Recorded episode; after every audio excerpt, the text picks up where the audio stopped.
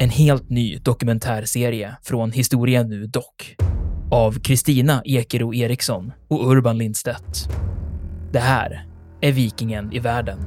Vikingarna, de var inte något främmande folk. Sannolikt är det ett slags tempel, ett kulthus helt enkelt. Enligt legenden så är rykiderna skandinaver. Från skeppet och bränslet och slavinnan och hennes herre hade blivit till aska. Du hör dokumentären på historia.nu eller där poddar finns.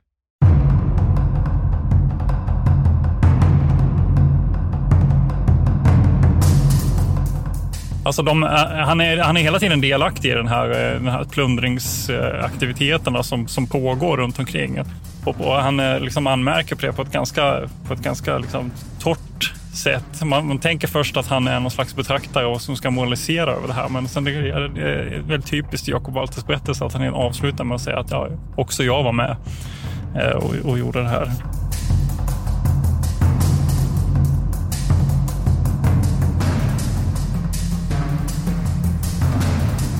Militärhistoriepodden är podden om krig med människor och samhället i fokus.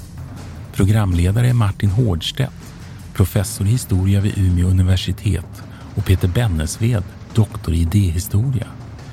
Podden ges ut av förlaget Historiska Media. Stöd gärna MH-podden via vårt swishnummer 123 610 76 68. Märk betalningen med MH-podden.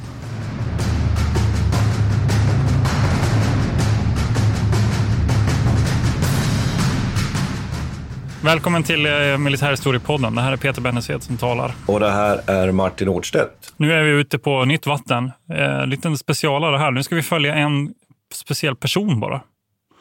Eh, och det har vi inte riktigt gjort förut. Och vi utgår från en dagbok, eller vad ska man säga, några memoarer av en person som heter Jakob Walter, född i Württemberg 1788 i eh, staden Rosenberg då i Württemberg. Och det här var alltså, eh, var vid den här tiden en slags vasallstat till kejsar Napoleons Frankrike. Eller hur?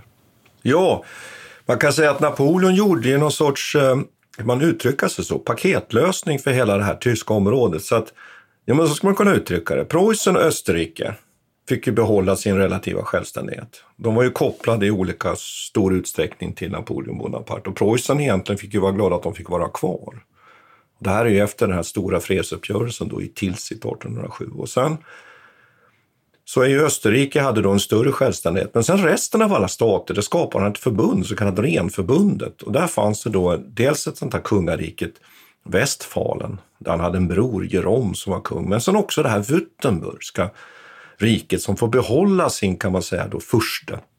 Och där är den här Jakob Walter då soldat. Och alla de här olika delarna då, Tyskland, de bidrog med soldater till Napoleons stora armé som 1812 går in i Ryssland. Och det är ju det som är temat idag för det här avsnittet, nämligen Jakob Walters upplevelser som tysk soldat i den stora La Grande Armée som ju bara till hälften bestod av fransmän. Alltså, utan mm. och han är också han är också menig. Alltså, till skillnad från många av de andra de här memoarerna och, och eh, dagboksskildringar och brev och så kommer de ofta från franska officerare vad jag förstår. Men här är alltså en tysk menig soldat, bara en helt eh, vanlig, var han stenhuggare. Egentligen. Ja, det var hans civila jobb och det som är så fascinerande med den här Jakob Walter att han är ju med i flera, det, är inte här, det här är inte hans första fälttåg. Utan han är ju med tidigare under Napoleonkrigen och han kommer också att vara med senare. Han överlever det här. Det här är alltså en, en, verkligen en veteran. Och det som är så spännande med den här dagboken är att, att den, att den liksom har blivit bevarad och, och, och kom, finns kvar. Och vi kan väl bara kort säga det att den, den kommer att hamna då, den skrivs av då Jakob Walter. Där kan man diskutera lite när han skriver ner den här. Det finns lite olika resonemang hur långt efter han gör det här. Men han skriver ner den och det här manuskriptet då, på, för, som är nedtecknat för hand på lumppapper, det kommer att hamna i USA. Därför att sen då släktingar till den här Jakob Walter utvandrar. Och det är ju där som forskningen sen hittar den här dagboken. Så det är ganska, ja, ganska fascinerande. Ja, ganska sent påfunnet. Va? En lång bit in på 1900-talet. Jag vet inte om det är ja. någon gång på 80-talet som man hittar den här i Kansas. Ja, vi behöver inte ens knappt säga att den här är unik. Det är klart att den är det. Och man kan väl säga att den, den är, om man liksom källkritiskt granskar den här så är den ju väldigt spännande därför att den är, den är otroligt korrekt. Det är egentligen väldigt mycket som är fel i den. Det är några små saker och, och det som också är spännande är ju att den handlar inte så mycket om, om storpolitiken och saker runt omkring utan den handlar verkligen om den här Jakob Walters brutala upplevelser. Men det som förvånar mig lite med det här är också det att den verkar inte fått så jättestort genomslag i forskningen, då, i den historiska forskningen. Alltså jag hittar få referenser till Jakob Walters berättelse. Den här boken verkar ha varit ganska populär när den kom. Däremot, eh, ja, den översattes på svenska någon gång 95 tror jag. Ja, och den ska först översatts till engelska. Sen, den svenska varianten som är ju tyvärr en översättning av en översättning. Men hur som helst så verkar den inte vara, eh, den har inte, verkar ha ett jättestort genomslag. Så där. Alltså, det verkar inte vara så många som, som bryr sig om hans upplevelse. Och det där med hur korrekt den är, det kan man också fundera över om man inte har fyllt i eh, en del i efterhand. Speciellt mm. alla, by, alla byar som man har gått igenom och sådär. Men Absolut, den, är ju, den har ju en, en väldigt så här rak, det är en väldigt rak och enkel berättelse eh, och man får inte intryck av att han är på något vis politiskt färgad eller har någon slags agenda, utan det är verkligen personligt. Han vill bara berätta. Nej, att, att, man, att man menar att den är korrekt, det är därför att dels ska man kontrollera de här byarna och platserna. De förefall, det förefaller stämma väldigt, väldigt väl. Och, och, Det finns liksom ingen anledning egentligen att ifrågasätta hans berättelse och det som, som vi kommer komma in här på så är de ju inte heller egentligen det är inte så att de framställer honom i någon särskilt heroisk dager, snarare tvärtom. Ganska självutlämnande. Ja, det är väldigt självutlämnande och han mm. beskriver liksom sina upplevelser i sin, i sin nakna förfärliga, förfärliga, i sin nakna förfärlighet skulle man kunna säga. A lot can happen in three years, like a chatbot may be your new best friend. But what won't change? Needing health insurance. United Healthcare Tri Term Medical Plans, underwritten by Golden Rule Insurance Company, offer flexible, budget friendly coverage that lasts nearly three years in some states. Learn more at uh1.com. Hey, it's Paige DeSorbo from Giggly Squad. High quality fashion without the price tag? Say hello to Quince. I'm snagging high end essentials like cozy cashmere sweaters, sleek leather jackets, fine jewelry, and so much more. With Quince being 50 to 80% less than similar brands. And they partner with factories that prioritize safe, ethical, and responsible manufacturing. I love that. Luxury quality within reach. Go to quince.com slash style to get free shipping and 365 day returns on your next order. Quince.com slash style. Quality sleep is essential. That's why the Sleep Number Smart Bed is designed for your ever evolving sleep needs. Need a bed that's firmer or softer on either side? Helps you sleep at a comfortable temperature? Sleep Number Smart Beds let you individualize your comfort so you sleep better together. JD Power ranks Sleep Number number 1 in customer satisfaction with mattresses purchased in-store. And now save 40% on the Sleep Number limited edition Smart Bed for a limited time. For JD Power 2023 award information, visit jdpower.com/awards. Only at Sleep Number stores or sleepnumber.com.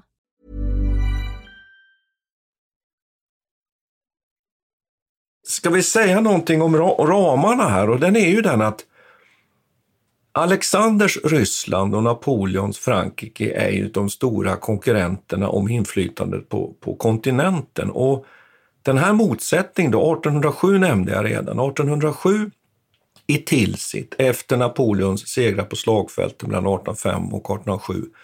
Där gör man ju upp och delar upp kan man säga Europa i, en, i, i, i två intressesfärer och man, man är i en form av ohelig allians, om man får säga så, under de kommande åren. Och det handlar ju om att Ryssland inser att vi kan inte för tillfället helt enkelt matcha eh, Napoleon Bonaparte. Och Napoleon inser att han har inte heller resurser att konkurrera med, med Ryssland eller helt enkelt föra in en armé i Ryssland eller att utmana Ryssland längre än vad han har gjort. Och den stora motståndaren då, det är egentligen Storbritannien. Och vi kan väl bara konstatera att Napoleon då försöker stänga Europa handelsmässigt med den här kontinentalblockaden och så vidare. Men så småningom då, för att komma nu fram till här Jakob Walter, varför Jakob Walter hamnar i Ryssland. Så småningom så går ju relationen mellan Alexander och Napoleon blir ju sämre. Och 1811 är det definitivt klart att nu börjar Napoleon planera ett fält och en slutuppgörelse med Eh, Alexanders Ryssland, som han ser som den stora landkonkurrenten. Men han är också missnöjd med att Alexander inte tillräckligt arbetar mot Storbritannien och fortsätter att handla med britterna och sådana där saker. Och då fattar man beslut om att föra in en jättearmé och då samlar man ihop med en sån här jättearmé och det är ju därför som Jakob Walter nu då kallas ut på sommaren 1812 till sitt Württembergska eh, regemente och börjar att vandra österut och först till en samlingspunkt i, i Ostpreussen. Och den 24 juni går den här jättelika Grand Armé, La Grande Armé, över Niemen. Och det kan ju vara viktigt att veta vad det är någonstans, eller hur Peter? Floden Niemen, det är ju det är liksom gränsfloden mellan Östpreussen och, och Östeuropa skulle man ja, kunna Idag säga. går den eh, genom Litauen. Va? Genom Litauen, ja. Och det är ju där den här orten som jag nämnde, Tilsit, där Napoleon och Alexander en gång i tiden har träffats och förhandlat, ligger ju där. Och när den här armén då bryter in i Ryssland så har den ju enorma dimensioner. Ja, är det inte lite olika? Jag tycker jag läser olika siffror på det där. En del säger så lågt som 400 000, men den vanliga siffran är ju mellan 650 till 680 000 soldater. Och jag undrar också, Ja. hur- bland dem, det kanske du känner till Martin, men jag undrar Jo, hur, hur alltså mycket man reder ut, ja, om man reder ut det där kan man säga att den sammanlagda då med reserver och sånt där, det här är ju inte bara så att det är en huvudarmé som tränger fram mot, mot Moskva, utan det finns ju kårer som, som opererar norr om den här huvudarmén och söderut och som håller garnisoner och som finns i Ostpreussen och så vidare. och så vidare. Och då, då kommer man upp i de här, de här högre siffrorna som du säger. Mm. Men räknar det också med Räknar med också in civila, undrar jag? Alltså det här, det här följetåget som också sker, eller som också finns. Är de, Nej, det de finns, med? alltså vid den här tiden finns inte någon, någon civil svans i armén. Utan då, då är vi Ja, tillbaka det. på, på 1600-1700-talet. Utan det här är alltså rent, ren, en armé, rent militär armé som rör sig österut. Och där kan man då säga att den, det antal soldater som i den här huvudarmén går över floden vid Niemen räknar ungefär 450 000 man. Och sen är det jättesvårt med de här siffrorna. Därför det beror lite på hur man räknar in, som jag säger, de här sidokårerna och så vidare. Men det intressanta här är ju att den här, den här armén har ju enorma dimensioner som man ju aldrig har sett i Europa, inte i modern tid i alla fall. Och problemet är ju som vi kommer komma till och det är som ju Jakob Walters hela berättelser egentligen handlar om, det hur man ska få mat. Egentligen. Det är ju en dagbok som handlar om hur en människa får mat och överlever den här, vad ska vi säga, eh, strapatsen, så kan man väl säga. För det håller du väl med om Peter, att det är ju inte särskilt mycket egentligen som står om, om strider i den egentligen. Nej, den är precis. Den, han, han är ju ganska sparsmakad med att berätta om själva stridigheterna. Men det är väl också, det kan man förstå från en soldats perspektiv. Så när man rör sig om de här massorna så måste det väl huvudsakligen bara handla om att överleva, tänker jag. Det är väldigt lite, han verkar inte själv uppleva sig själv som någon slags hjälte eller som att han gjorde någon större insats under de här slagen heller, även om han är med. Och det har man ju också konstaterat i efterhand, de som har granskat det här materialet, att, att han inte heller får, eh, han lyckas inte heller liksom beskriva slagen helt korrekt, hur lång tid de tar och vad som händer och så, utan just de delarna är han ganska svag på. Däremot så har han ju väldigt, ganska bra koll på de här olika byarna han rör sig emellan och vad de håller på med vid sidan av. Så att säga. Men just slagen är är inte särskilt framträdande alls. Och då, och då ska vi ändå säga att då går vi igenom, då, då äh, nämner han ändå Borodino som är, är typ det största slaget under Napoleon, av, i alla fall en av de största slagen under hela Napoleonkrigen här. Ja, hur man räknar så kan man väl säga att Borodino eller Barodino som jag lärde mig av en, av en ryss en gång att säga är ju kanske det våldsammaste slaget i, i, i många avseenden. Det är stora förluster men det är också brutalt och det, det kanske vi kommer lite till här sen att resonera lite kring det.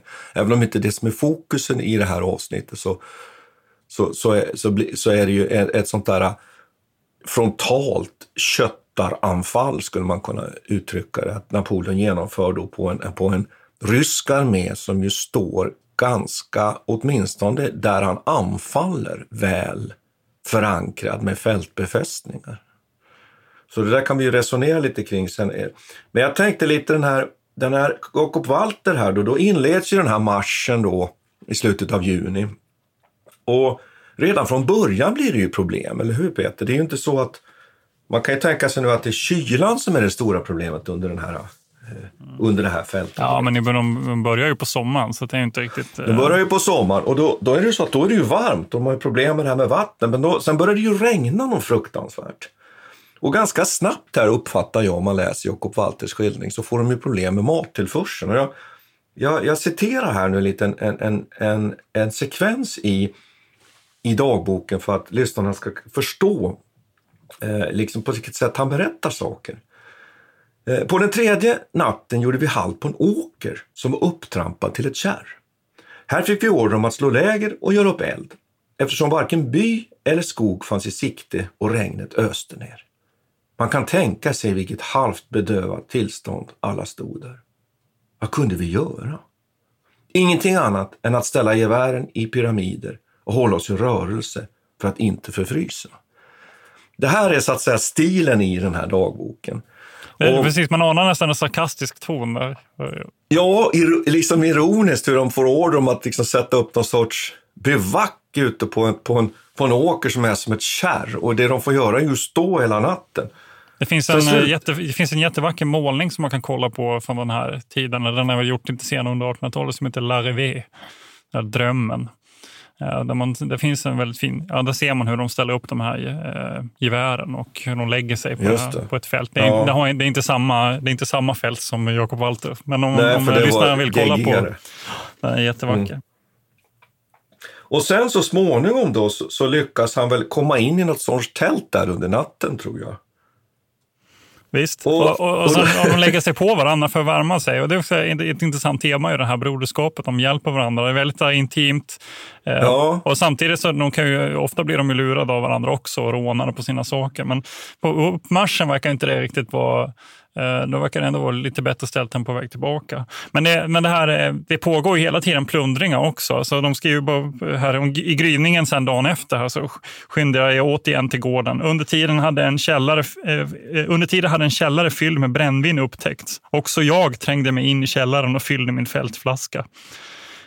Och jag gick tillbaka till fältet med den och drack alltsammans utan ens något bröd. Alltså de, eh, han, är, han är hela tiden delaktig i den här, eh, den här plundringsaktiviteterna ja. som, som pågår runt omkring.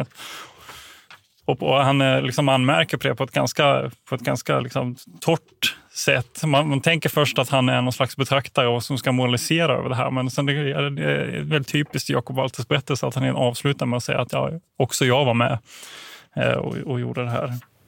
Ja, och det jag, ja, och det jag tycker det här tillför till, till till om man har kunskaper kring Napoleontidens krigföring och, i allmänhet och 1812, fälttåget 1812 i synnerhet så får man ju här en väldigt, tycker jag, nära bild av ett faktum som ju tydligen gäller att det ganska snabbt så är det dålig organisation när det gäller underhållet. Men då ska man lägga till en sak här att Jakob Walter tillhör ju de, vad ska vi kalla dem för, eh, andra rangens trupper egentligen i det här fälttåget. Det är ju franska gardet först som håller högst nivå, sen de franska trupperna och sen kommer då de här äh, trupperna från, äh, och från olika håll då i, i Napoleons imperium. Det kan, kan ju nämnas att det är italienare med också här i en stor kontingent.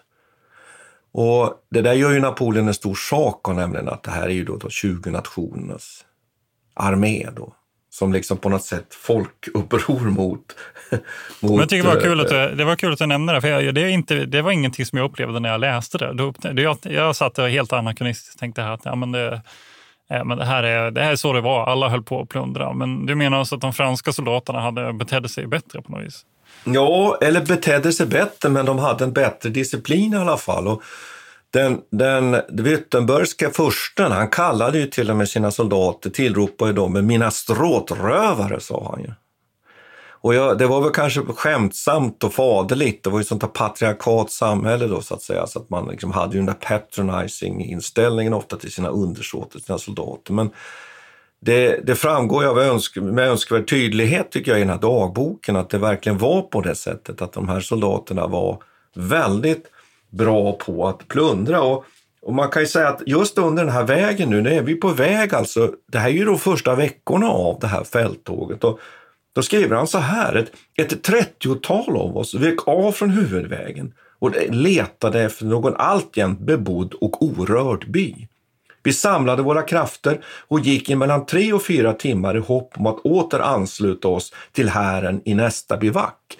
Och det där betyder att man alltså gav sig ut på sådana här plundringståg som pågick alltså under hela dagar. Och sen så kom man tillbaks. Fullständig liksom odisciplin och röra. Tänk om alla gjorde så. Men, men, men eh, då har jag en fråga till dig Martin, för det har jag funderat på också. Jag hittade en, eh, en, eh, en annan historiker som har skrivit en recension på den här boken och går igenom mm. de här lite olika delar. Och han menar att det här är någonting lite unikt för just den franska armén, att man har en sån, ett sånt sätt vad det gäller marschen. Att det viktigaste är att soldaterna möter upp på vissa punkter. Men sen så vad som händer däremellan, det spelar inte så stor roll. Det vill mm. säga att de hade, mm. de hade ganska mycket utrymme att röra sig då mellan olika, ta andra vägar vägar och så här. Är det, är det någonting, känner du igen detta? Ja, det är så. att, att den, den napoleonska armén den rörde sig alltid mot, som du säger, en viss punkt längs med flera anmarschvägar. Och det gäller ju även här, att de här kolonnerna in i Ryssland, där försöker man ju sprida ut armén på flera marschvägar. Problemet är ju bara det att så småningom här så blir det ju i stort sett bara en enda väg, för det finns bara en väg som, som fungerar. Och när vi kommer längre fram mot Smolensk och ända fram mot Moskva. Men, men det är alldeles riktigt och idén var ju att man inte förde med sig någon stor tung tross, utan att man ju marscherade helt enkelt med lätt utrustning, bivakerade under bar himmel och åt det man fick tag på. Sen la man upp magasin och försökte då att liksom förbereda de här marscherna så att armén liksom gick igenom de här magasinen, plockade åt sig det de behövde och sen bar man. Problemet är ju bara att i Ryssland gick det inte riktigt att göra på det här sättet och det kan man ju nämna här att det finns ju inget fälttåg som Napoleon planerar så väl som 1812 när det gäller logistiken. Han till och med utvecklar och bygger upp en trängorganisation, det vill säga helt enkelt en transportorganisation vid den franska armén. Men det, det, det, det framgår ju av resultatet att det här är, är, är helt eh, det är helt otillräckligt naturligtvis. Men, men det betyder ju också då att eh, Jakob Walters exkursioner ut och plundringståg med sina soldat eh, vad ska man säga, vänner. Det, ja. det, är ju egentligen sanktionerat. Det är inte någonting att de beter sig särskilt illa jämfört med någon annan eller att de, de eh, tar sig Nej, men samtidigt skulle jag vilja säga att det, är ändå liksom, det, det väcker, måste ju väcka en väldig liksom sanktion att man kan uppträda väldigt odisciplinerat. För, för vad vet befälhavarna då? Alltså det man funderar lite kring är ju här, alltså, vilka ger tillåtelse att ge sig ut? Har de order att göra detta?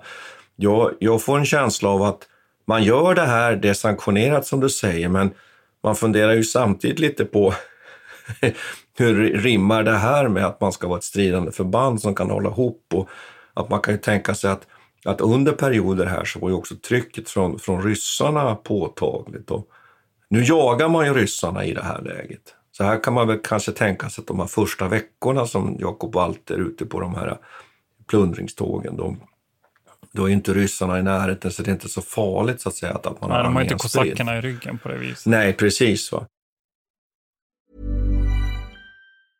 Many of us have those stubborn pounds that seem impossible to lose, no matter how good we eat or how hard we work out. My solution is PlushCare. PlushCare is a leading telehealth provider with doctors who are there for you day and night to partner with you in your weight loss journey. They can prescribe FDA-approved weight loss medications like Wagovi and Zepbound for those who qualify. Plus, they accept most insurance plans. To get started, visit plushcare.com slash weight loss. That's plushcare.com slash weight loss. Normally, being a little extra can be a bit much. But when it comes to healthcare, it pays to be extra and United Healthcare makes it easy with Health Protector Guard fixed indemnity insurance plans. Underwritten by Golden Rule Insurance Company, they supplement your primary plan, helping you manage out of pocket costs without the usual requirements and restrictions like deductibles and enrollment periods. So when it comes to covering your medical bills, you can feel good about being a little extra. Visit uh1.com to find the Health Protector Guard plan for you. Mom deserves the best, and there's no better place to shop for Mother's Day than Whole Foods Market. They're your destination for unbeatable savings, from premium gifts to show-stopping flowers and irresistible desserts. Start by saving 33% with Prime on all body care and candles. Then get a 15-stem bunch of tulips for just $9.99 each with Prime. Round out Mom's menu with festive rosé, irresistible berry chantilly cake, and more special treats. Come celebrate Mother's Day at Whole Foods Market.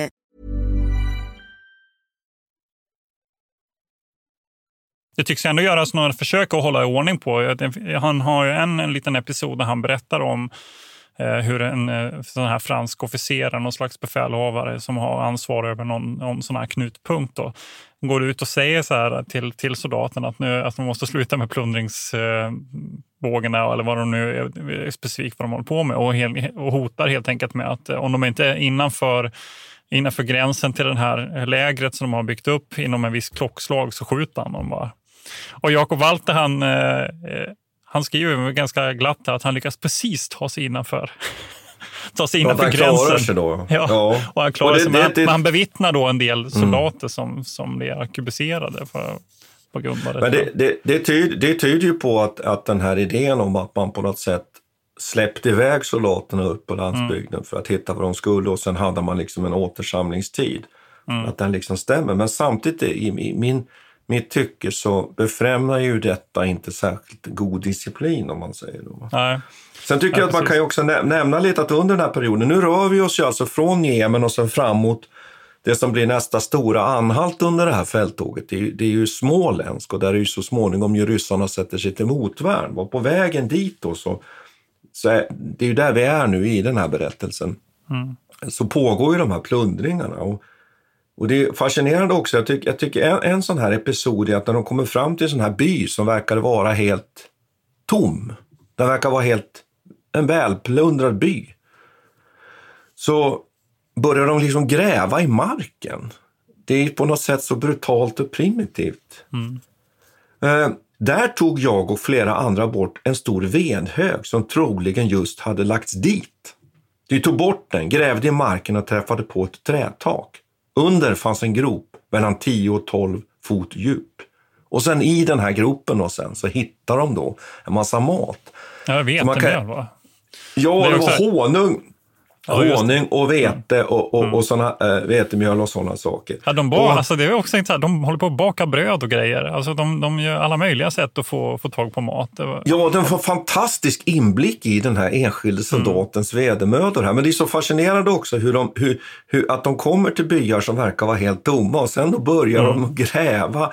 och, och och ibland förstör de ju husen fullständigt därför de bryter upp väggar och golv och, vilken enormt brutal egentligen krigföring i, i, i någon mening gentemot lokalbefolkningen. Det ger tycker... en väldigt god bild tycker jag hur det var att vara lokalbefolkning under den här tiden. Ja, jag tycker, precis. Jag tycker vi kan uppehålla oss vid det lite slag. För någonting som är väldigt vanligt är att man pratar, det här är ju precis den här eran börjar prata om totalt krig. Eller det finns ju en, en grupp historiker som säger att ja, men, total krigföring börjar precis här med Napoleons arméer. Men, och, Alltså, ja, det kan man väl, ja, det beror på lite hur man ser på det. Men absolut är det så. Jag förstår inte varför vi har envisats med att göra någon slags skillnad mellan civila och militära inom, histori eh, inom historia ämnet överhuvudtaget egentligen. För det är så himla tydligt när man läser de här skildringarna att, att de här, ja, man förstår, de, har ju göm, de gömmer ju mat där för de vet vad som kommer. Det är inte första gången de är med om de här sakerna. De, och de gör, de gör vad de kan för att dölja det de har, det lilla de har. Det, och det är, inga, liksom, om, det är inga områden som är särskilt rika här, som vi pratar om. Nej, nej, nej. Civilbefolkningen och, och det... måste ha det ganska tufft bara till att börja med. Ja, en del är ju evakuerade. Det är ju så att ryssarna jobbar ju, jobbar ju också med den här så kallade brända jordens taktik, åtminstone längs huvudvägen. Och här har ju forskningen haft lite olika uppfattningar. att mm. Den där brända jordens taktik, för man har ju ofta gett bilden att det är snön och det är den här brända jordens taktik som gör att det här går illa. Men då visade det sig att det fanns områden, man bara kom en liten bit bort från de här områdena som ändå hade hyfsat med mat. Men det är ju klart att, och sen är det viktigt tycker jag här också att, som jag uppfattar i dagboken och som jag också vet via annan, annan litteratur, att inledningsvis här är ju de ryska bönderna ganska passiva. De gör inget motstånd här. Det, det är så att säga inget det är inget folkkrig som förs här, något ja. folkuppror mot, utan det kommer ju sen under arméns reträtt. Så där sker det ju en förändring av attityden bland de här ryska bönderna. Att inledningsvis här så är man väldigt passiva. Man gömmer också... mat, men man gör inte så mycket mer än så. Nej. Och där när du säger också att ja, ryssarna evakuerar, men vad betyder det egentligen? Eh, när man säger det ur en slags 1900 och 2000-talsperspektiv så får man ju tycka att det är någonting man skulle kunna göra rent bara praktiskt. Bara evakuerar man ett helt område, men under den här tiden är det inte så lätt att evakuera en hel bygd. Eh, Nej, det kan handla om att man bränner ner den. Det kan handla om att man Ja, bränner är ner den och det kan handla om att man tar med sig hästar och man får ta med sig den mat och den Det mat kräver man en inte får oerhörd med sig. organisation Ja. också att ens lyckas med en sån sak. Så jag vet inte. Nej, så är det ju. Man kan ju, man kan ju, där finns det utrymme att ifrågasätta den berättelsen med. Hur lyckas man genomföra någon slags evakuering 1812? Och hur får man befolkningen med sig överhuvudtaget? Det kanske var- är så som du säger också att man inte, befolkningen själva inte heller är intresserad av att röra på sig. Eller inte tror att det är någon fara. Eller, ja, jag vet inte. 17 augusti, då når man ju fram till Småländsk. Och ramberättelsen kring då det här, den är ju att Napoleon där tvingas ju fatta ett eh, beslut här. Han har inte fått, han, han anfaller Småländsk och när han lyckas tvinga bort ryssarna från, från Småländsk, för små, i Småländsk sätter sig nämligen ryssarna till, till eh, motvärn. Och idén är ju det att det här klassis, klassiska sättet att, att föra krig som Napoleon gör så framgångsrikt, det är ju att binda motståndaren och sen gå runt, att göra en sån här form av kringgång. Och då inser motståndaren att retirerar jag nu ur den här positionen, ja, då kommer jag bli fångad. Då är det bättre att jag levererar slag här, att jag står kvar och kämpar. Men där lyckas då ryssarna att helt enkelt komma ur den här vad ska, försöket till kniptång. Och det som är märkligt är ju att här har alltså Napoleon fört in hundratusentals soldater i Ryssland. Men han har ändå inte tillräckligt med folk för att både binda ryssarna och sen samtidigt gå runt, skicka folk runt. Och i Småländsk har dessutom ryssarnas två arméer som då, det är två, framförallt två stora arméer, de förenas där i Småländsk. Så de är ganska starka faktiskt i Småländsk. Dels finns det en en kår då från söder under en, en befälhavare som heter Bagration. Och sen finns en annan eh, eh, kår under Barclay de Tolly. Och efter det där slaget, när man inte lyckas stoppa fransmännen, då sker det en väldigt intressant, tycker jag, skifte på den ryska sidan. För Barclay de Tolly, vad, vad tycker du att det namnet klingar för någonting, Peter? Och så säg namnet igen. Barclay de Tolly. Ja, jag vet inte, ingen... Nej. Ja, det är, ju en, det är ju så att säga en utlänning. Va? Det är ju någon som kommer från Västeuropa. Det är ju inte, det är ju inte Ja, en ryss inom citationstecken. ja, precis. Ja, Ja. Mm, Utan då, då, då inser man någonstans att är det nu så att fransmännen går mot Moskva och tar Moskva, då kan vi liksom inte om det nu är en inom citationstecken en utlänning som överger Moskva, då kan det bli stora problem ur Alexanders eh, perspektiv. Utan då väljer man ju att ta in den här gamla hjälten som har så otroligt stort förtroende hos soldaterna och opinionen, nämligen Kutuzov som ju är ryss. Om man uttrycker sig så, gammal ryss. Och han på något sätt har, vad ska vi kalla det för, karisma och status och auktoriteten att till och med överge och lämna Moskva. Så här sker ett skifte nu på, på, på, på rysk sida. Han skildras ju fint i, i Krig och fred av, av eh, Leo Tolstoj. Ja, och Leo, Tol- precis, Leo Tolstojs berättelse är ju tyvärr just sån att det är väl den som har färgat vår syn lite på det här kriget, skulle jag vilja säga. Eh, och där är det ju så just att dels, så be- dels beskriver ju den faktiskt, ett tema i den, det är ju att den är egentligen ganska pacifistisk faktiskt, den där Krig och fred. Ja, han försvarar väl, försvarar väl i princip Kutuzovs eh, önskan om att inte förfölja den franska armén sen mot slutet. Nej, att inte, att inte våga trupperna för mycket i, i, i, i strid och, och att, han, att han egentligen visar ju också på det meningslösa i kriget. Ett annat tema där är just också att, att det på många sätt är ju just det är ju aktörerna som fattar beslut som liksom på något sätt eh, Eh, bestämmer hela historiens utgång. Och sen är det ju väldigt mycket om det här med vintern och sånt där. Vi kommer lite till det då. Men, men sen går man mot Moskva så småningom. Och på vägen till Moskva, då utkämpar man ju det här eh, stora slaget vid, vid Borodino. Och där är ju Jakob Walter med. Men precis som du säger så är hans krigsskildring egentligen väldigt, eh, jag vet inte. Man, man, man får inte riktigt någon klar uppfattning om han, hur mycket han är med i själva striderna. Nej, precis. Och det man får nästan man kan känslan att han inte är kring. med alls. Nej, varför, varför, varför skildrar han inte så att säga sin, sin stridsupplevelse Mm. så mycket? Beror det på att han faktiskt inte är med? Det är ju faktiskt ett, ett, kanske ett skäl. Och ett annat skäl är att han kanske inte... Jag vet inte om det är så att hans upplevelser är så fruktansvärda så att han inte vill beskriva dem. Men han, menar, han beskriver ju andra förfärligheter under det här Mm. fälttåget. Så, så min tolkning är ju att han kanske inte egentligen är med så mycket i de här aktionerna. Nej, precis. Det kan ju vara så att han sitter i en del som inte har så, gör så stor, eh, så stor inverkan på själva slaget heller, eller han är så engagerad. Så kan det ju vara. Det är så otroligt många människor som är med. Alltså. Det, här, det, här, det här är ju sånt som man inte fattar egentligen. När vi, ser, jag menar, vi har gjort så många avsnitt som bara handlar om enskilda slag, om man bara pratar om de här olika flankerna och de olika jag menar, det är inte alls orimligt att eh, Jakob Walter bara stod där i något hörn och inte, och inte blev så engagerad i striden alls. Bara- Nej. Och, och man kan väl bara, bara konstatera då att Napoleon Bonaparte bestämmer sig för att anfalla rakt på den, den ryska grupperingen. Istället för som det råd han får av några av sina underlydande, nämligen göra det som han ju ofta har varit så skicklig på, nämligen att, att gå runt. Därför ryssarna har en svagare position på sin vänstra sida, eller sin vänstra flygel som man brukar säga.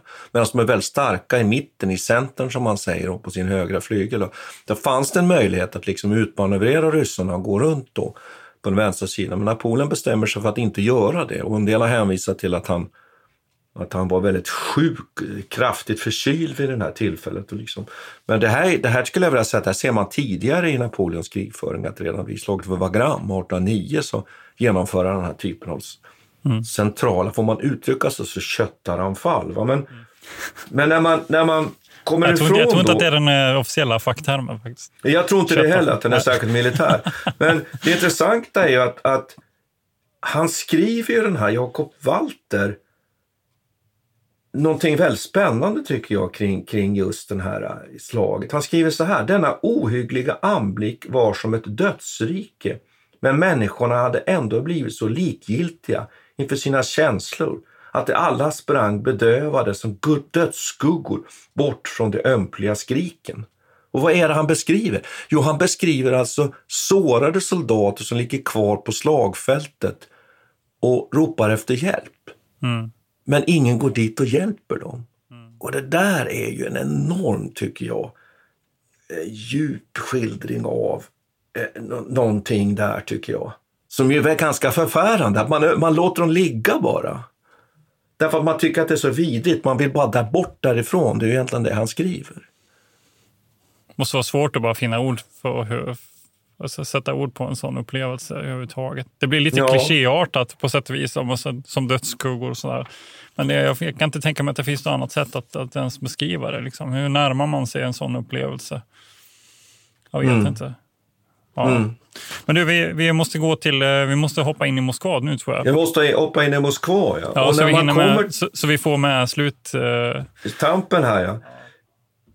Och där är han ju rolig, tycker jag, av Walter, för att han skriver så här.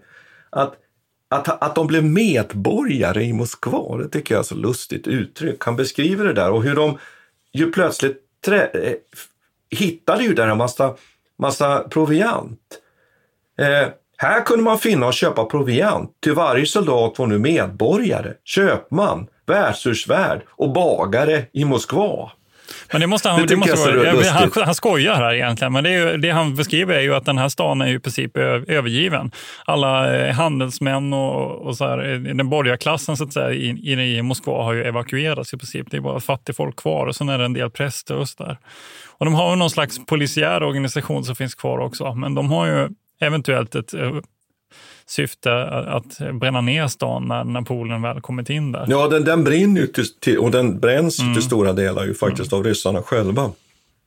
Eh, Men det måste ju varit en o- alltså det måste vara så himla märkligt att komma in i en av Europas största städer vid det här Mm. laget och som är helt öde och man bara kan soldaterna liksom inkvartera sig själva i, i alla de här husen som är egentligen tomma till stor del.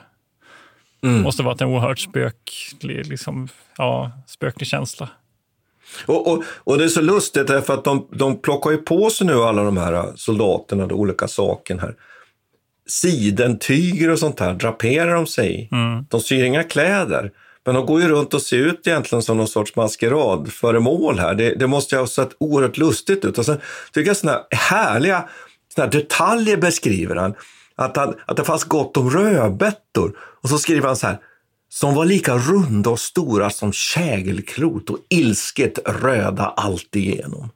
Sådana där fantastiska små detaljer får man, får man och att han liksom fascineras kring sådana här saker. Och intressant att han minns det här långt efteråt när han skriver ner. Det måste ha gett, gjort, gjort ett enormt stort intryck. Och överhuvudtaget tycker jag sådana här skildringar av mat återkommer ju hela tiden. Ja, det kan man, ju förstå Han handlar väl naturligtvis. extremt hungrig, så de upplevelserna har säkert liksom printats in i hans huvud väldigt mycket när han väl, när han väl får tag på mat.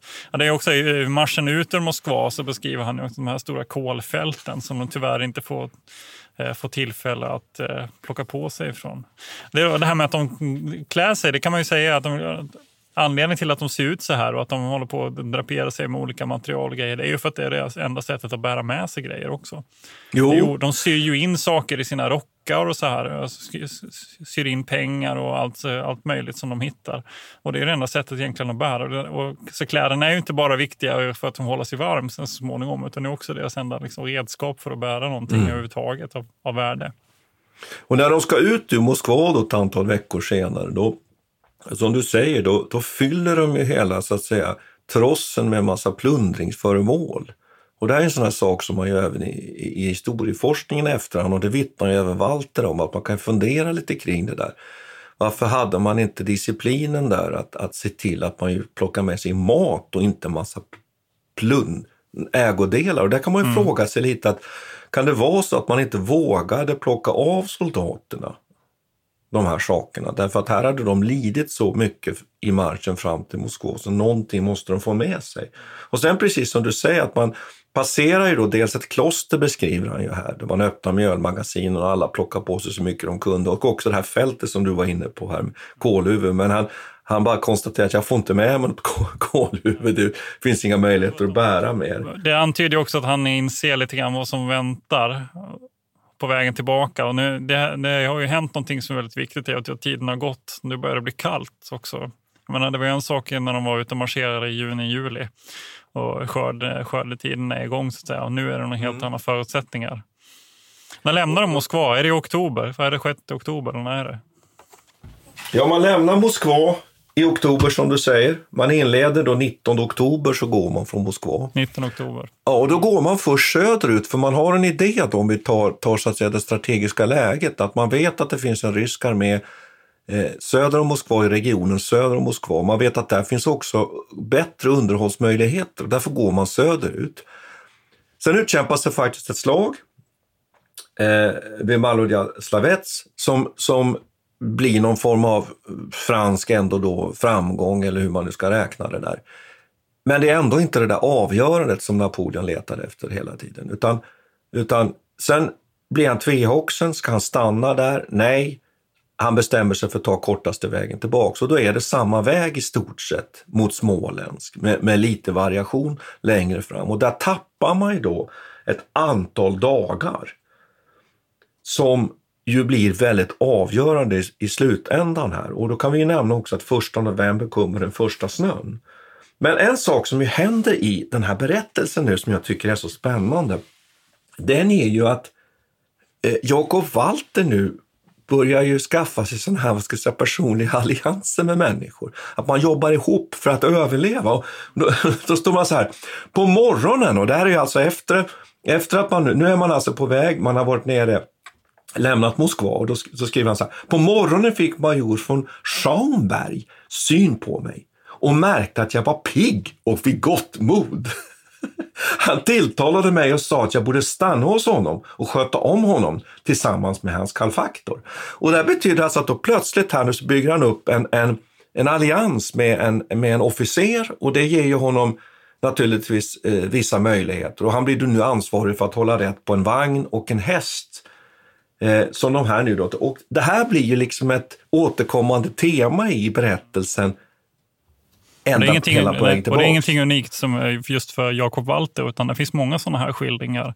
Jag kan ta upp och nämna den här eh, Sergeant Bourgogne som är en annan typ av, en annan sån här memoar eller dagboksskildring egentligen från eh, det här fälttåget som då, det är en fransk officer, sergeant som heter. Och han, han beskriver också ett antal olika eh, vänner som man träffar på, som man utnyttjar på olika vis. Eller, eh, liksom, ja, med samtycke så att säga. De hjälper varandra. Och, och, och det är väl också, finns en historiker som heter um, Martin någonting i efternamn, jag minns inte exakt, men han beskriver också att det här är någonting som är väldigt fram, alltså, som framträder väldigt väl just i det här franska fälttåget. Att, man, eh, att det är genom de här vänskapliga allianserna som de orkar ta sig igenom den här vintern som kommer nu framöver genom att hjälpa varandra på olika vis. Och, och den här sergeant Bogon till exempel, han får ju, till, han får ju hjälpa en eh, grenadjär där och bara eh, helt enkelt pissa. Han klarar inte, för han har inga fingrar kvar. Så, det, så men på, den, på den nivån är det, att de är så pass intima med varandra. Mm, mm.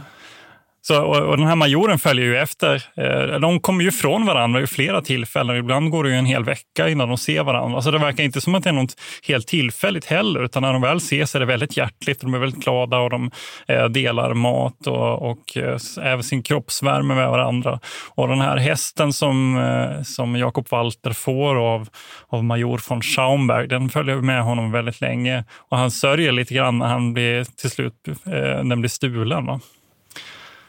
Mm. Och så är det. Och där är också ett sånt här tema som återkommer under hela den här marschen tillbaka. Att han blir av med sin häst mm. och sen stjäl han en ny. Och så där pågår det hela tiden. Mm. Så blir han av med hästen och så stjäl han en ny. Så, så fort han ställer hästen någonstans så kan han ju räkna med att den är borta. Men det, är också, det kan man säga där med hästen. Vad, vad fyller de för nytta egentligen? Eh, dels är det att de lägger packning på, men det är inte, helt, det är inte så att de alltid vill åka eller så rida på hästen. Utan eh, ofta så vill han ändå gå, utan de drar hästarna med sig. Och det gör de för att helt enkelt hålla värmen. Det blir för mm. kallt att sitta upp på hästen. Sen vet jag inte om syftet här, något vanligt eh, förekommande är att de dricker hästblod vet jag. Ja, det, fram, och... det framkommer inte så jättemycket i Jakob Walters berättelse, men det är ju någonting som de gör. Alltså de tappar deras blod på olika vis. Och det här är någonting som, de, som man har lärt sig om mongolerna bland annat, som, som bara som bet tag i eh, och gör ett litet snitt i, i hästens... Jag är så himla dålig på hästens anatomi, men här i nacken. Liksom. De sägs ju ha liksom, gjort ett litet snitt och så suger de upp blod så för att eh, nära sig själv. Jag vet inte om det är det som är syftet, att man har med sig dem som någon slags livförsäkring. De verkar ju klara sig ganska bra de här hästarna, men det måste ju vara många som har dukat under också för den delen. Mm. Jag kan, jag kan, tillföra en sak här som är intressant med fälttåget. Det är klart att man förlorar ju väldigt mycket soldater i Ryssland. Mm. Och, och, det viktiga egentligen är att det kommer tillbaks tillräckligt mycket officerare och befäl. Vi kan ju säga det att av alla de här soldaterna sen så finns det lite olika siffror. Man räknar med ungefär att mellan 20 och 30 000 kommer tillbaks. 20 000 kommer kunna användas i tjänst, kunna tjänstgöra igen och där är ju faktiskt Jakob Walter en av dem. Eh, och sen beror det lite på hur man räknar här, om det är franska förband man menar eller om man menar även de här eh, kontingenterna från de andra delarna av, av Napoleons imperium. Men det viktiga är att det kommer tillbaka officerare, för utan dem hade man ju aldrig kunnat sätta upp en ny armé sedan 1813. Men sen, du är inne på hästarna. Det man förlorar i Ryssland och som är egentligen helt avgörande sen för kriget vidare, från 1813, 1814 och fram till 1815, det är att franska armén kommer egentligen aldrig att kunna sätta upp ett, ett högklassigt kavalleri mer. Utan man förlorar så mycket hästar i Ryssland 1812 att det blir aldrig möjligt att, att rekonstruera och sätta upp kavalleriet. Och det är ju naturligtvis ett stort problem. Dels för rekognosering, det vill säga att han har mycket sämre eh, underrättelseunderlag under de kommande årens fälttåg. Och också naturligtvis så har han inte riktigt ett högklassigt kavalleri att sätta in på slagfältet. Och det, tycker jag man, det kan man försöka komma ihåg här. Eh, så småningom här så är man tillbaks i Småländsk. Eh, och Snön kommer första november. Men annars så är det ju så att det är en liten myt att det skulle ha varit egentligen så ovanligt kallt vid den här årstiden nu. För det är det inte. Det är ganska normalt kallt, mm. snarare lite varmare faktiskt mot vad det brukar vara i november. Utan när det blir riktigt, riktigt kallt, det är först december. 1812. Men samtidigt så undrar jag om den där diskussionen är så intressant. För vad spelar det för roll? Mm. Det vet man ju om man själv har varit ute och är friluftsmänniska eller har militärt tjänstgjort så vet man att ofta är det jobbiga när det blir blött. Det behöver inte vara så många grader kallt. Utan, ja, och för de här utmärgade människorna, utslitna människor, så spelar mm. det kanske inte egentligen så stor roll. Va? Nej, precis. Det är andra faktorer som spelar roll. Då är man undernärd också. Ja, den första november kommer snön och den 9 november når man Småländsk. Och sen egentligen så är den stora dramat under den här eh, reträtten. För nu börjar ju att armén har fortfarande en del stridande förband. Bland annat under Marskalken Ney så har man en, en eftertrupp som fortfarande är i gevär och som fungerar. Sen börjar ju framförallt de här delarna av armén som ju Jakob Walter tillhör, de börjar ju att desintegrera så att säga. De är bara en skock. Och den här processen kommer ju att slutgiltigt så att säga krossa hela, hela den här franska armén när man kommer fram till den här övergången över Bertsina mm. den 27-28 november. Och den, den skildrar ju Jakob Walter otroligt dramatiskt mm. måste jag säga. Den är ju väldigt omskriven också. Den är ju det. Ja. Och där försöker ryssarna att stoppa den här övergång, franska arméns övergång vid Bertsina. Men där lyckas ju fransmännen ha tillräckligt många stridande förband som ju ändå fungerar, att man lyckas hålla emot och så får man över då en stor del av armén. Och där är just frågan som jag sa, att hade man fångat då den franska armén. Det är väl knappast så att man hade fångat Napoleon Bonaparte. Han hade ju säkert kommit undan med, med någon form av kavalleriexkort eller någonting sånt, var gardet. Men just det där att hade man fångat den franska armén fullständigt där, då hade man alltså inte fått med sig de här officerarna som jag var inne på. Då. Men den här övergången av Bertsina är ju helt otroligt.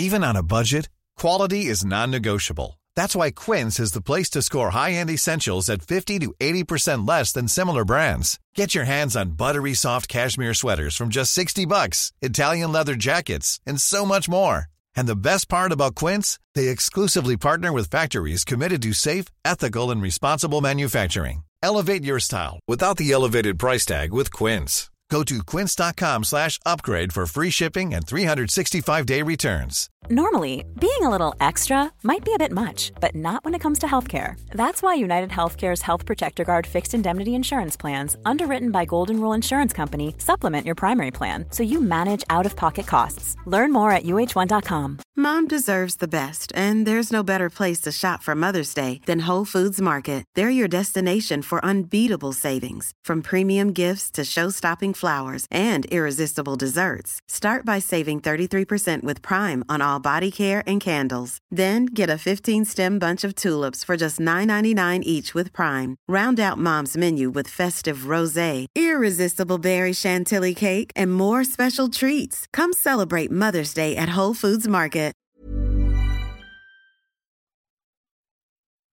Jag kan läsa här. När det blev dag igen stod vi nära floden omkring tusen steg från de båda broarna som var byggda av trä nära varandra. Dessa broar var konstruerade som lutande sågbockar upphängda på grunt nedslagna pålar. På dem låg långa rep och tvärs över endast broband som inte var fastsatta. Broarna gick inte att se för mängden av folk, hästar och vagnar. Alla trängde ihop sig till en solid massa och ingenstans såg man någon utväg eller något sätt att undkomma. Från morgonen till kvällen stod vi oskyddade mot kanonkulor och granater som ryssarna slungade mot oss från två håll. Varje träff slogs mellan tre och fem man till marken och ändå kunde ingen röra sig ett steg för att komma ur vägen för kanonkulorna. Ja, det är ja, ganska... Ja, det är helt brutalt. Och sen ger han sig ut på den här bron då så småningom. Och då leder han till en häst och så, så, så rider han på en. Men då tappar han ju den där hästen, han leder direkt då. Och som jag förstår det så har han med sig den här majoren nu också. Ja, det verkar som att de leder ja. varandra här. Ja, och, och de trampar som jag förstår ner människor så att den här bron den, den stabiliseras, de här plankorna som du beskriver som ligger ja. öster, den stabiliseras av att helt enkelt döda människor och hästar. Precis, han konstaterade att hästarna trampade ner mellan dem och föll oundvikligen tills ingen bräda gick att rubba till följd av kropparnas tyngd. Typ på de ställen där en bräda ännu gick att rubba trycktes den, eh, trycktes den loss av de fallande hästarna och ett slags fälla gillades för hästen som kom bakom. Man måste säga att de döda kropparnas tyngd var räddningen för dem som red över. Till utan deras vikt skulle kanonerna ha slagit bron i stycken allt för tidigt. Så alltså det är helt otroligt här. Ja. Och så tydligen håller han ihop med den här majoren.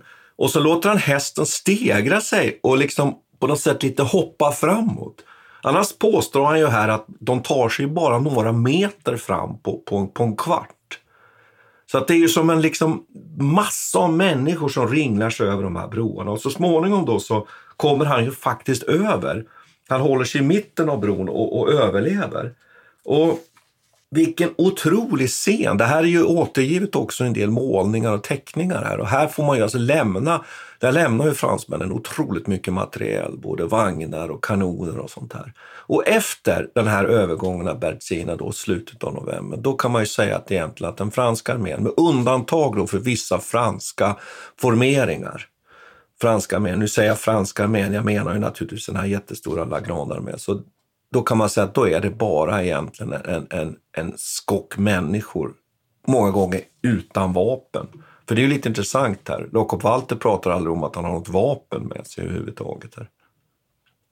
Han är helt obeväpnad. Ja. Det det efter... Och vissa enheter skulle jag vilja säga, där bland annat det franska gardet är ju fortfarande intakt och marscherar så småningom då västerut. Och här tycker jag att man kan kan, kan då ta en diskussion. Jakob Walters bok tycker jag ger ju en väldigt närgången berättelse av hur otroligt mycket livsmedel som förstörs på grund av hur de helt enkelt är organiserade, vilket kaos det är. Och det säger ju forskningen att det är inte så mycket vädret som den dåliga disciplinen. Det finns en historiker som heter Fredrik Schneid här som har skrivit en väldigt bra artikel som handlar just om det här som lyfter fram att det är, och han menar väl igen, han skyller i princip på på Napoleon här, eller säger så här, att det är mm. när, Napoleon lämnar, och jag vet inte när han gör det, lämnar han precis efter den 5 här? 5 december lämnar Napoleon. Ja, när han lämnar armén, det är då den faller ihop. Och då ger han, eh, då ger han ju befälet till den här Murat, som tydligen var, var en bra kämpe på fältet men en oerhört dålig organisatör. Och att ingen av de här högre officerarna egentligen känner något större ansvar över helheten så att säga. Så att de, bara, de försöker liksom rädda sig själva i princip. Och de känner väl lite grann att när Napoleon har lämnat så kan även vi lämna. Så Murat han försöker ju också sticka. Han, eh, det påstås att han fejkar sjukdom och så drar han till någon släkting här på vägen tillbaka. Så det verkar ju som att eh, eh precis som du säger här, så har det inte så mycket med omständigheterna rent värdemässigt så, utan det är bara total kollaps av disciplin som, som uppstår här efter. Och att det är bara en enda massa av människor som rör sig tillbaka in i Europa. Och med ohyggliga följder såklart.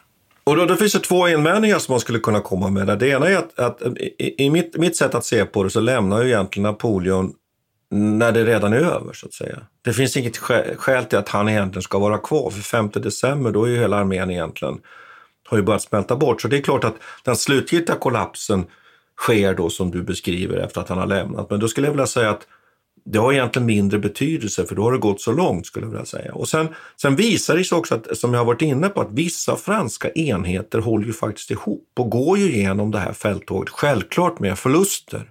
Men just därför att man upprätthåller disciplinen så klarar man sig hela vägen fram och tillbaks till Moskva. Och här tycker jag att vi är inne på någonting som är väldigt spännande och det finns ju många forskare som har pekat på det här. Bland annat en som heter Dominik Liven som är specialist på, på rysk historia. Det finns en annan som heter Martin van Krefeld, det finns en annan som heter David Chandler som är de har skrivit det stora verket om Napoleons kampanjer. De, de är inne på det här, att det är, det är i väldigt stor utsträckning fråga om disciplin och också den dåliga disciplinen hos de här typerna av trupper som Jakob Walter tillhör. Mm. De är inte särskilt motiverade vad ska de göra i Ryssland? Det här är ju Frankrikes krig. Det här är inte vårat krig. De som, som väntar egentligen på att kunna kasta av sig det, det franska oket i stor utsträckning. Det är egentligen det det handlar om för dem, i många av, av de här härförarna som är med. De är väldigt tveksamma till den här insatsen i Ryssland överhuvudtaget. De ser inte liksom Alexander som, som en huvudmotståndare eh, och så vidare. Och att den mat som finns, det finns ju stora miss, eh, livsmedelsdepåer som ju många gånger bara plundras och förstörs och bränns upp på ett helt meningslöst sätt. Och hade det där förvaltats på ett bättre sätt och det som nu vi har varit inne på, det lilla som fanns på landsbygden, att man ändå hade utnyttjat det på ett bättre sätt, ja då kanske det hade sett helt annorlunda ut. Och jag tycker att Jakob Walters dagbok, den ger en så fin insikt i, tycker jag, vilket enormt kaos det var under det här fälttåget redan på vägen dit. Eller hur? Mm. Det är det jag tycker är, är så fascinerande med hans dagbok. Och, Hörru Martin, mm. jag, jag, eh, jag, tror att klockan är 53 nu. Jag har hållit på i 53 minuter. Okej. Okay. Det var ganska jag tror, långt. Jag tror att det är, dags, eh, det är dags att runda av faktiskt. Ja, man kan väl bara konstatera att den här Jakob Walter kommer snart tillbaks. Och han, mm. han får en väldigt lång konvalescens.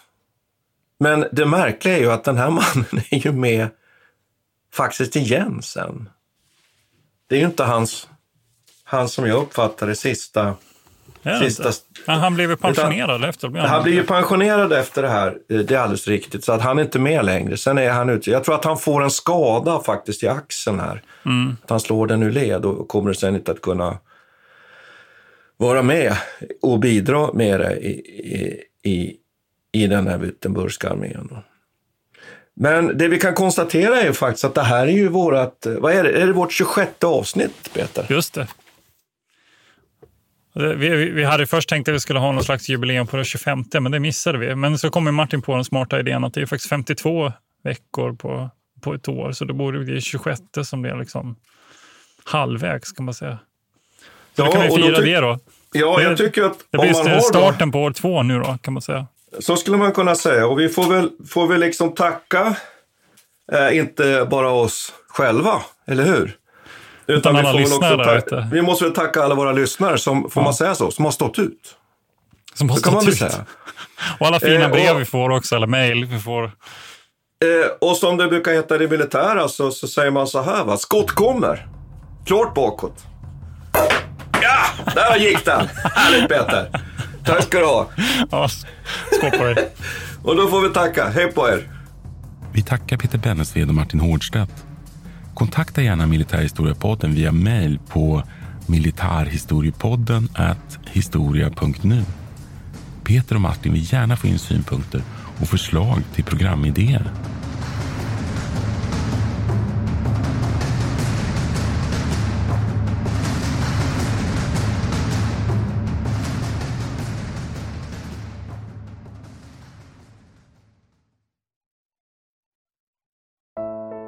Iran har under 1900-talet genomgått tre omvälvande revolutioner som orienterat landet antingen mot västerlandets modell eller mot en auktoritär styrelseform. Idag pågår en social revolution i landet som vänder sig mot det islamistiska styret och vars anhängare har Europa och väst som förebilder. I en viktig bok ger idéhistorikern Mohammad Faslashemi en djupare förståelse för dagens dramatiska händelseutveckling. Iran mellan tre revolutioner är utgiven av förlaget Historiska Media.